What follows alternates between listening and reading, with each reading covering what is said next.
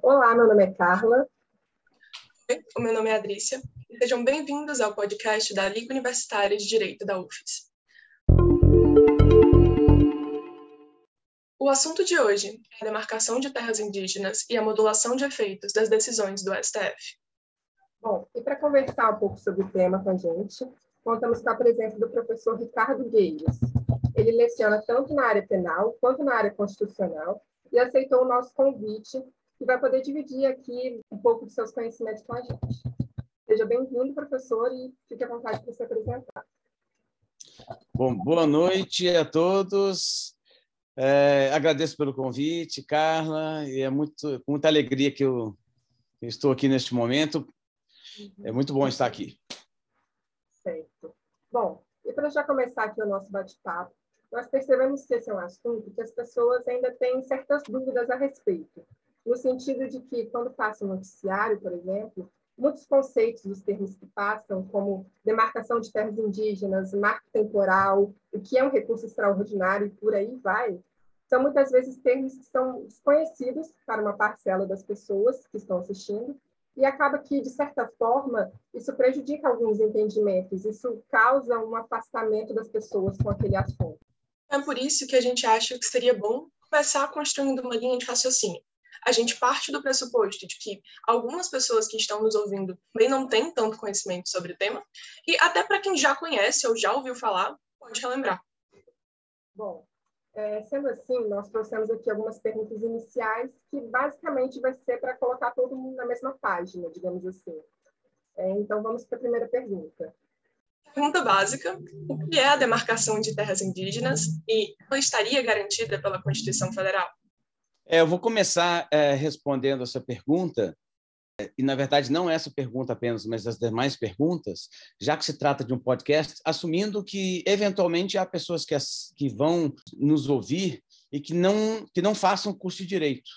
Então, eu vou tentar, às vezes, utilizar uma, uma certa linguagem mais coloquial, Uh, e já nessa primeira pergunta, a gente já pode já começar a dar uma notícia triste. Porque quando a gente pergunta assim, o que é demarcação de terras indígenas, se ela está garantida pela Constituição vigente, a gente, eu lembro sempre de um artigo na Constituição, muito pouco conhecido, que, há, que está no ato das disposições constitucionais transitórias.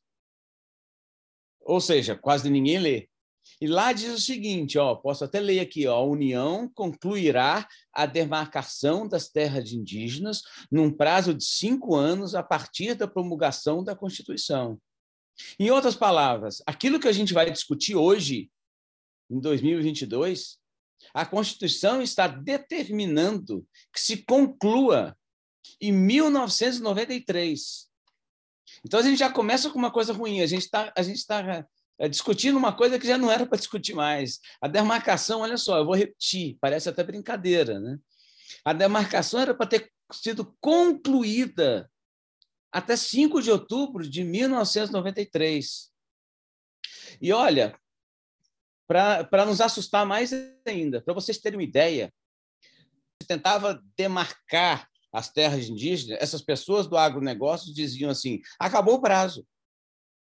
Já que a Constituição dava um prazo de cinco anos para a União demarcar, e obviamente a União não fez isso em cinco anos, as pessoas do agronegócio impetravam mandado de segurança perante o Supremo e diziam: impeçam a FUNAI de realizar mais demarcações. Por quê? Porque o prazo acabou. É óbvio que o STF não abraçou essa tese né, em 94, 95, 96, nunca abraçou essa tese, dizendo que, óbvio, que esse prazo era um prazo dado para a União, mas se a União não obedecesse, esse prazo seria estendido ad eterno, sem dúvida. Né?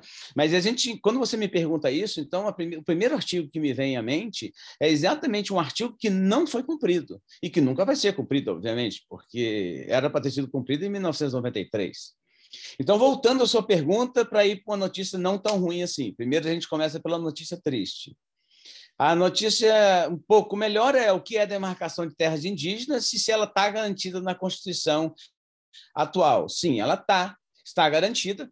Vamos lembrar que a gente tem uma previsão constitucional sobre índios na Constituição, Isso é uma coisa muito forte na nossa Constituição, mas na época da Constituinte, a movimentação dos índios em Brasília era muito grande.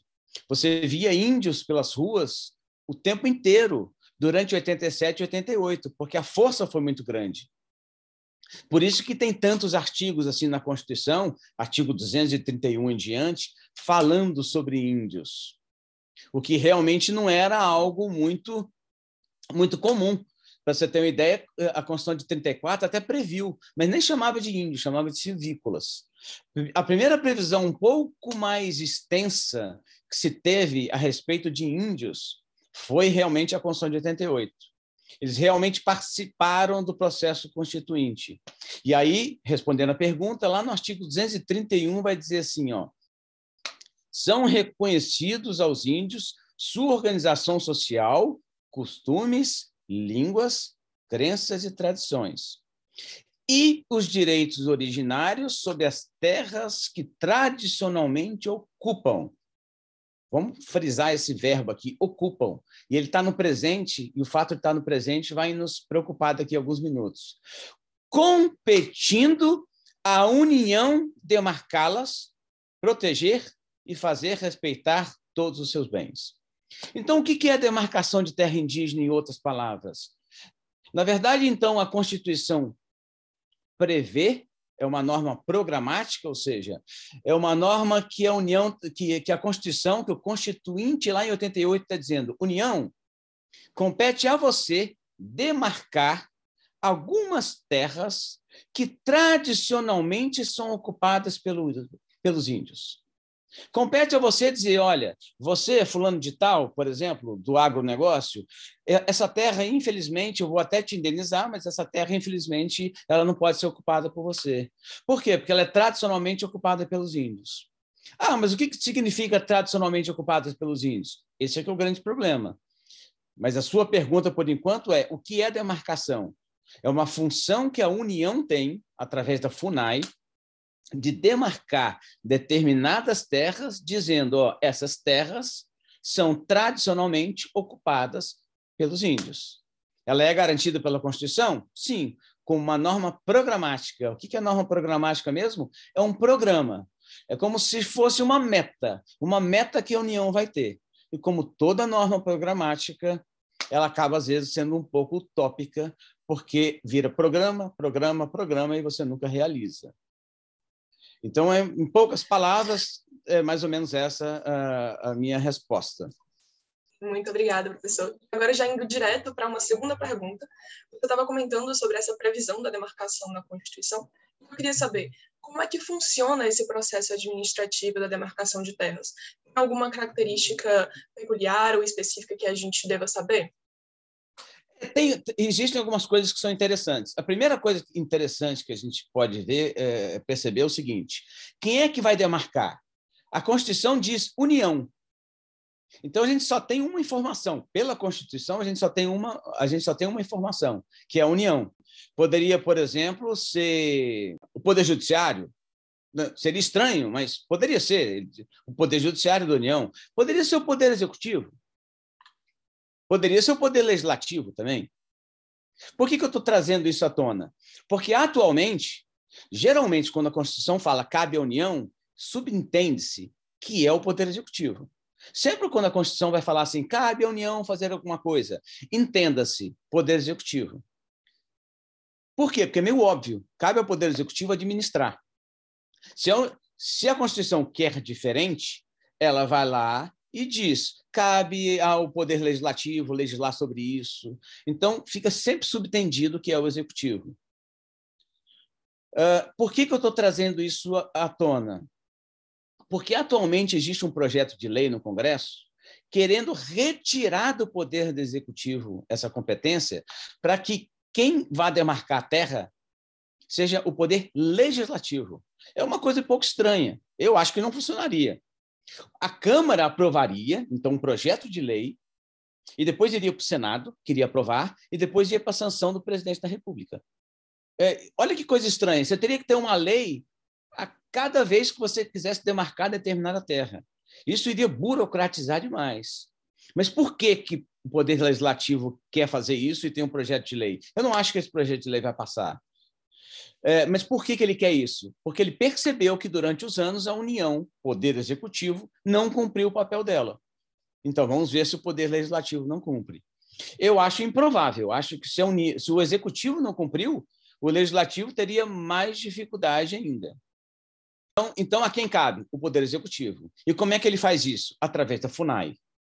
A FUNAI, que existe há muitos anos, na verdade, existe de... desde antes da Constituição, a FUNAI vai fazer um estudo, vai abrir um processo administrativo, eles chamam de procedimento administrativo. Eles vão chamar pessoas técnicas, e aí pessoas técnicas entendam como, por exemplo, antropólogos, principalmente. Os antropólogos trabalham demais nessas demarcações de terras indígenas. E aí eles vão lá estudar, realizam um processo administrativo, e esse processo administrativo, é claro que tem um contraditório administrativo, você tem que lembrar que outras pessoas vão estar ocupando essa terra, muitas vezes outras pessoas estarão que não são índios. Então, eles têm direito a um contraditório, como, como todo processo administrativo. E depois de aprovado, registrado, manda para o presidente da República. E o presidente da República vai e edita um decreto. Então, qual é a ordem mesmo? FUNAI faz um estudo técnico junto com antropólogos. Tem um contraditório, envia para o presidente da República, o presidente da República edita um decreto presidencial, e aí, a partir daí, é só uma questão de execução mesmo. Você retira os ocupantes que não são índios e paga indenização a eles. Aliás, cabe à União é, pagar essa indenização. Então, é mais ou menos isso, é, é assim que funciona o processo. Ele não é um processo muito complicado, ele não é. É um processo administrativo relativamente simples. As questões é, políticas, é, a gente vai tratar sobre elas, acho que a partir da, de agora, é que são mais preocupantes. As questões burocráticas não são tantas. Bom, professor, é, você já tem exposto isso para a gente, até falando sobre essas questões políticas, e é uma coisa que eu já percebi também. Essa questão envolvendo a demarcação de terras é um assunto bastante polêmico, e querendo ou não, é, gerou muitas discussões nos últimos anos, como você já já bem destacou aqui para a gente. Isso principalmente por conta de um processo de reintegração de posse de uma dessas terras ocupadas, que foi ajuizado pelo Estado de Santa Catarina e que agora, em grau de recurso, está em discussão lá no STF, por meio de um recurso extraordinário. Isso tem provocado cada vez mais controvérsias constitucionais sobre o assunto, e dentre elas uma grande discussão sobre a adoção da tese do marco temporal. Então, você poderia falar assim, brevemente, o que é um recurso extraordinário e, após isso, explicar um pouco mais a respeito da tese do marco temporal, falando sobre os efeitos que ele produziria? Tá, então eu vou, se você me permitir, Carla, eu vou inverter um pouquinho só a sua pergunta, mas vou responder as duas coisas: o que é um recurso extraordinário e o que é exatamente aquilo que você acabou de dizer o que é o marco temporal, mas eu vou fazer uma pequena inversão de tempo, na linha de tempo. É, a gente está discutindo isso num recurso extraordinário? Sim. A gente está atualmente discutindo isso em um recurso extraordinário. Mas vamos lembrar que todo esse problema começou já há mais anos, em razão de um problema da Terra, o famoso problema da Raposa Serra do Sol, que através de uma petição no Supremo, o ministro Aires de Brito que, aliás, um ótimo ministro e que fica atento a essas questões. Hoje em dia, a gente até um pouco estranha um pouquinho a decisão dele. Naquele momento, há muitos anos atrás, o Supremo deu uma decisão que começou a dizer o que, que era um marco temporal. De início, Uh, então, por isso, eu, eu peço para você me aguardar um pouquinho para explicar o que é um recurso extraordinário. Vamos entender um pouco o que aconteceu antes desse recurso extraordinário. Era uma mera petição no Supremo. Não havia nenhuma ação judicial propriamente dita. Era uma mera petição discutindo a delimitação da Raposa Serra do Sol. O ministro Aires de Brito começa a dizer o seguinte: o que é terra tradicionalmente ocupadas? Quando a Constituição vai dizer lá, e a gente leu isso agora há pouco, verbo que eu falei para vocês ficarem atentos, ó. Os direitos originários sobre as terras que tradicionalmente ocupam. Isso foi perguntado ao Supremo anos atrás. E eles perguntaram para o Supremo, mas o que é terras que tradicionalmente ocupam? E repito, isso foi perguntado em uma mera petição. E aí o Supremo respondeu assim: é uma foto. Não, como assim? Não entendi. Foto? É como se fosse o quê? Um retrato? Uma foto que se tira? Sim, uma foto. A palavra que o Supremo utilizou foi chapa. É como se fosse uma chapa de radiografia, de raio-x. Mas como assim? O que, que isso tem a ver? É que, como é muito difícil você saber o que, que é uma terra tradicionalmente ocupada por um índio, o que, que é uma terra tradicionalmente ocupada por um índio? É uma terra que o, que o índio ocupou em 1350, quando os portugueses não tinham chegado ainda aqui? Ou quando eles ocuparam em 1780? Ou em 1850? Aí o Supremo falou: é difícil saber isso. Isso do Supremo, Aires de Brito, vou tirar uma foto e essa foto é na linha do tempo. Essa foto é de 5 de outubro de 1988. Vou tirar uma foto e vou olhar. Índios, quais terrenos vocês estão ocupando nesse instante? Ah, esse, esse e esse. Então tá bom. Então essas são as terras que tradicionalmente vocês ocupam. Você, você concorda comigo que é uma tese, sob o ponto de vista objetivo, é uma tese boa? Boa no sentido de que fica claro quais são as terras. Sob o ponto de vista objetivo, é bom. Todo, todo mundo sabe. Basta você chegar na terra e falar: vem cá, você está ocupando essa terra? É, você é um índio? Sim, então essa terra é sua. Fica muito simples. Então, reparem: as terras tradicionalmente eh, que os índios ocupam não são um filme que você vai trazendo na história e vendo qual é a, quais são as terras que eles ocupam, mas é um, uma foto. E aí você você cria um grande problema, porque aí todos os índios começaram a gritar, desde aquela época, gritar, e até no seu sentido literal, e dizer assim: olha, vem cá. Como é que você vai dizer que as terras tradicionalmente ocupam são aquelas que eu, que eu ocupo em 5 de outubro de 88? Em primeiro lugar, você tem que lembrar que dia 5 de outubro de 88 é o dia posterior, isso é óbvio, a 4 de outubro de 1988. E 4 de outubro de 1988, nós estávamos sob a égide de uma outra Constituição, e nós éramos, isso na década de 50, 60, 70, 80, esbulhados, ou seja, expulsos, expropriados das nossas terras, nós índios expropriados, cotidianamente. E mais, para surpresa da maioria. Quem você acha que expulsava os índios, principalmente na década de 50, 60, 70 e 80? Quem? Você acha que era, que era realmente as pessoas do agronegócio? Não. Quem mais expropriava os índios era o Estado, através do SPI, Serviço de Proteção ao Índio, e depois virou FUNAI. Então, o Estado retirava os índios das suas terras Aí, de repente, até, até 4 de outubro de 88. Aí chega dia 5 de, de outubro de 88, você tira uma foto e fala: quem está no seu lugar continua com direito. Fica parecendo aquela, brin aquela brincadeira de criança que a gente faz, que fica todo mundo se mexendo, e aí fica todo mundo parado e vê aonde a pessoa está. Ah, se você está, você pertence, você pertence àquele lugar. Se não, não. É, então, você criou uma situação que chega a ser uma coisa meio surreal de entender. É, na época, os ministros gostaram da tese, poucos foram vencidos. Por que, que gostaram? Eles não sabiam da reação que haveria. Eles gostavam da tese porque ela era objetiva, ela era clara.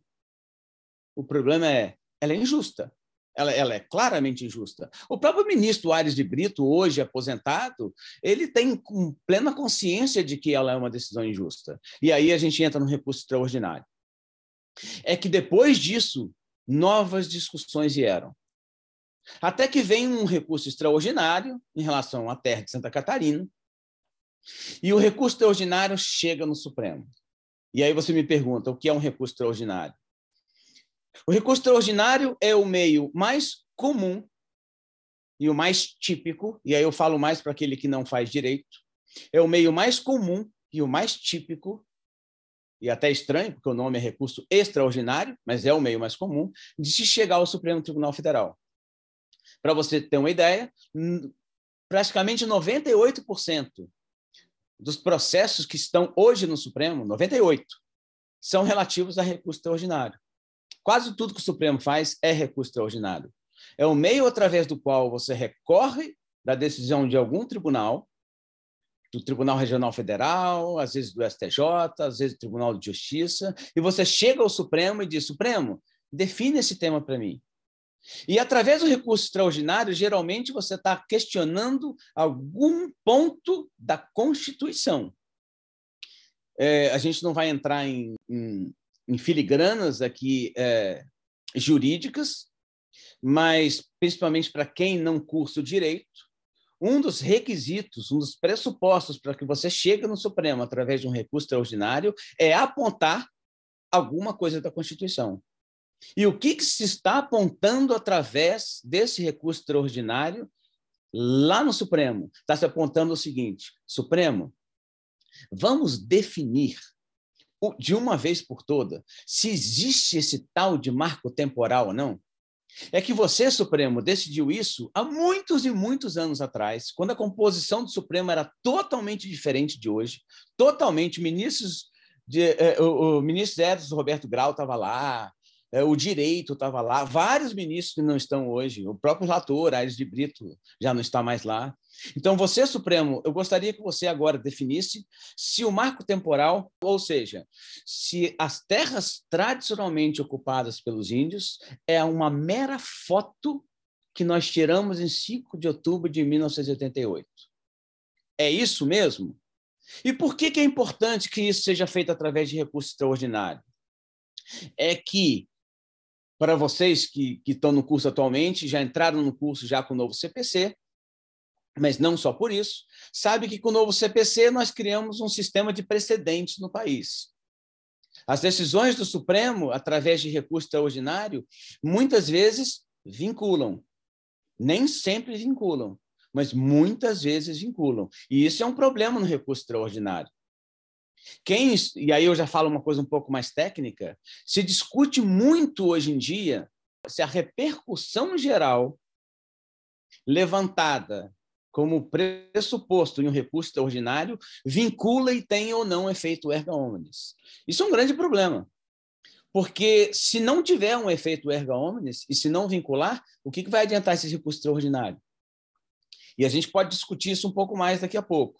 Mas, a princípio, nós temos um recurso extraordinário chegando no Supremo Tribunal Federal, em que o Supremo vai definir se existe realmente esse tal de marco temporal, essa foto tirada de 5 de, 5 de outubro de 88, ou não. E mais, se essa decisão em recurso extraordinário realmente vai acabar vinculando o Poder Judiciário, e mais que o Poder Judiciário, é mais importante ainda. É se vai vincular o poder administrativo, o executivo. Porque o executivo é que vai delimitar as terras. É ele que tem que estar vinculado ou não a essa decisão do Supremo. Então, tentei resumir um pouco, uma matéria que é complexa, né? tentei resumir o máximo possível, mas até aqui é mais ou menos isso. Bom, professor, e, enfim, considerando tudo isso que você trouxe até então, que já foi discutido aqui com a gente, é uma coisa que eu percebi que não tem como negar que esse assunto realmente tem muitos conflitos de interesses. São muitos grupos envolvidos, isso, tanto os próprios indígenas quanto os produtores rurais e além do próprio Estado acaba intervindo no meio de tudo isso. Por exemplo, para os produtores rurais, o marco temporal poderia garantir maior segurança jurídica, essa questão da foto que o senhor falou, né? além de evitar futuras desapropriações das terras que eles estão. Mas, já para os indígenas, isso poderia significar a expulsão de muitos deles desses territórios que eles estão, além da própria inviabilização de marcações e o, incentivo ao garimpo, por exemplo. Então, considerando tudo isso, você poderia falar um pouco mais sobre isso com a gente, de esclarecer quais são esses argumentos que esses grupos utilizam dessa forma, desse mecanismo? É, olha só, é, Carla, eu vou até falar uma coisa que talvez algumas pessoas discordem de mim. Assim. A gente tem que tomar muito cuidado quando a gente cuida dessas questões, é, assim como qualquer outra coisa, para a gente não ser demasiadamente politicamente correto. Porque você concorda comigo que no meio acadêmico é normal que a gente chegue num podcast como este, ou qualquer roda de discussão, e venha e defenda uh, as terras indígenas, isso é uma questão cultural, é um marco que a gente tem que resgatar, um marco histórico que a gente tem que resgatar, e eu concordo com isso. Mas você concorda também assim que os argumentos de algumas pessoas é razoável também. A gente tem que escutar os dois lados. Eu tenho uma tendência para um lado, eu só estou dizendo que é interessante ouvir os dois argumentos. Nós, na academia, a gente é obrigado a fazer isso. Isso é uma questão de reflexão. É... A gente tem que tomar um cuidado para a gente não, não nos tornarmos, nós acadêmicos, em mais uma opinião política. A nossa opinião aqui não é uma opinião política. A gente está discutindo problemas políticos. Isso é bem diferente. Então, vamos para um lado uh, que geralmente é o que não é tão politicamente correto assim. Vamos olhar o lado daquele que é o agronegócio. Quando a gente academicamente discute esse assunto, a gente já imagina aquele, aquele latifundiário que já tem muito dinheiro e que já está querendo, quer ficar com aquela terra, e a gente já tem um tom pejorativo dele. Mas nem sempre. Nem sempre são pequenas, às vezes são pequenas famílias, pobres, que não são índios, que já ocupam já muitos anos, algumas gerações, aquelas terras, estão sendo expropriados. Se você olhar para algumas famílias, eu tenho certeza que muita gente que está aqui agora vai dizer: Poxa, eu, entre o índio e, e essas famílias, eu talvez deixasse a terra com essas famílias. Elas cultivam bem, elas produzem, não são pessoas ricas, têm geração e geração, então, eu não, eu, eu, eu não sei até que ponto que isso seria algo injusto. Então, isso, isso é um argumento fático real, isso existe. Agora, é óbvio que a gente tem um outro lado da história, de grandes latifundiários que ocupam terras que são tradicionalmente de duvidosa ocupação, e aí a gente pode questionar essas questões. Aí você fala, mas aí você está subjetivando demais. Ora, mas se for para não subjetivar, então é melhor então criar um dado objetivo. E o dado objetivo foi criado pelo Supremo, que foi o um marco temporal. A gente não pode negar que foi é, é um dado objetivo. Uh, mas, professor, não ficou muito claro, Ricardo. Então, fala um pouco mais do que, que você entende que a Constituição quer dizer. Bom, é muito difícil entender exatamente o que o Constituinte quis dizer. A gente pode ler juntos de novo. O Constituinte diz assim: ó, os direitos originários sobre as terras que tradicionalmente ocupam. Se eu fosse uma pessoa que levasse ao pé da letra, isso é uma coisa que os latifundiários alegam assim cotidianamente, alegaram na petição, alegam nos mandados de segurança. Ora, o, o verbo é ocupam. O que ocupam quando? Quando da promulgação da Constituição de 88. Então, tem que ser uma foto. O, o, o ministro Aires de Brito dizia: ó, a Constituição não fala ocupavam ou que ocuparão. Ou que ocuparão. Aliás, quando o STF realizou o marco temporal há anos atrás, o STF tinha medo de dizer: se a gente fizer uma interpretação muito extensiva, vai haver grupos indígenas que vão ser alocados em determinadas terras só para dizer que aquilo é tradicionalmente terra indígena, se a gente for colocar para o futuro. Então, o Supremo estava numa defensiva, que foi uma posição não muito boa do Supremo, mas é compreensível que o Supremo tivesse uma defensiva naquele momento. Hoje a gente vê que a decisão não foi boa, mas é razoavelmente compreensiva o que, que se tinha naquele momento. Então, retomando a ideia, o verbo está no presente? Tá. Mas será que a gente vai entender que esse verbo no presente aqui significa que é uma foto? Bom, pessoalmente entendo que não. Não sei qual vai ser o posicionamento de cada um, mas é claro que é que você tem uma palavra ali que está junto com o verbo no presente, dá a esse verbo também uma conotação pretérita do passado. Qual palavra? Tradição. Olha só. Tradicionalmente ocupam. Você acha mesmo que a Constituição, ao falar a palavra tradicionalmente ocupam, quer dizer apenas as terras que estão sendo ocupadas naquele, naquele exato momento? É claro que não. Tradição, quando você fala alguma coisa, é da, é da tradição da minha família, eu já, eu já imagino meu avô. Então, é claro que ele está remontando alguma coisa pretérita. E mais, olha as palavras que estão antes ainda. E os direitos, o quê? Originários sobre as terras que tradicionalmente, olha lá, você está voltando na origem e está voltando na tradição. E é para isso que os antropólogos principalmente servem é para realizar um estudo antropológico sobre terras que tradicionalmente eles já ocupavam. Não é um estudo fácil. O processo administrativo, como eu falei, não é burocrático. Agora, o, o mérito do processo não é tão fácil assim, porque o estudo antropológico é difícil. E o Supremo quis fugir dessa dificuldade.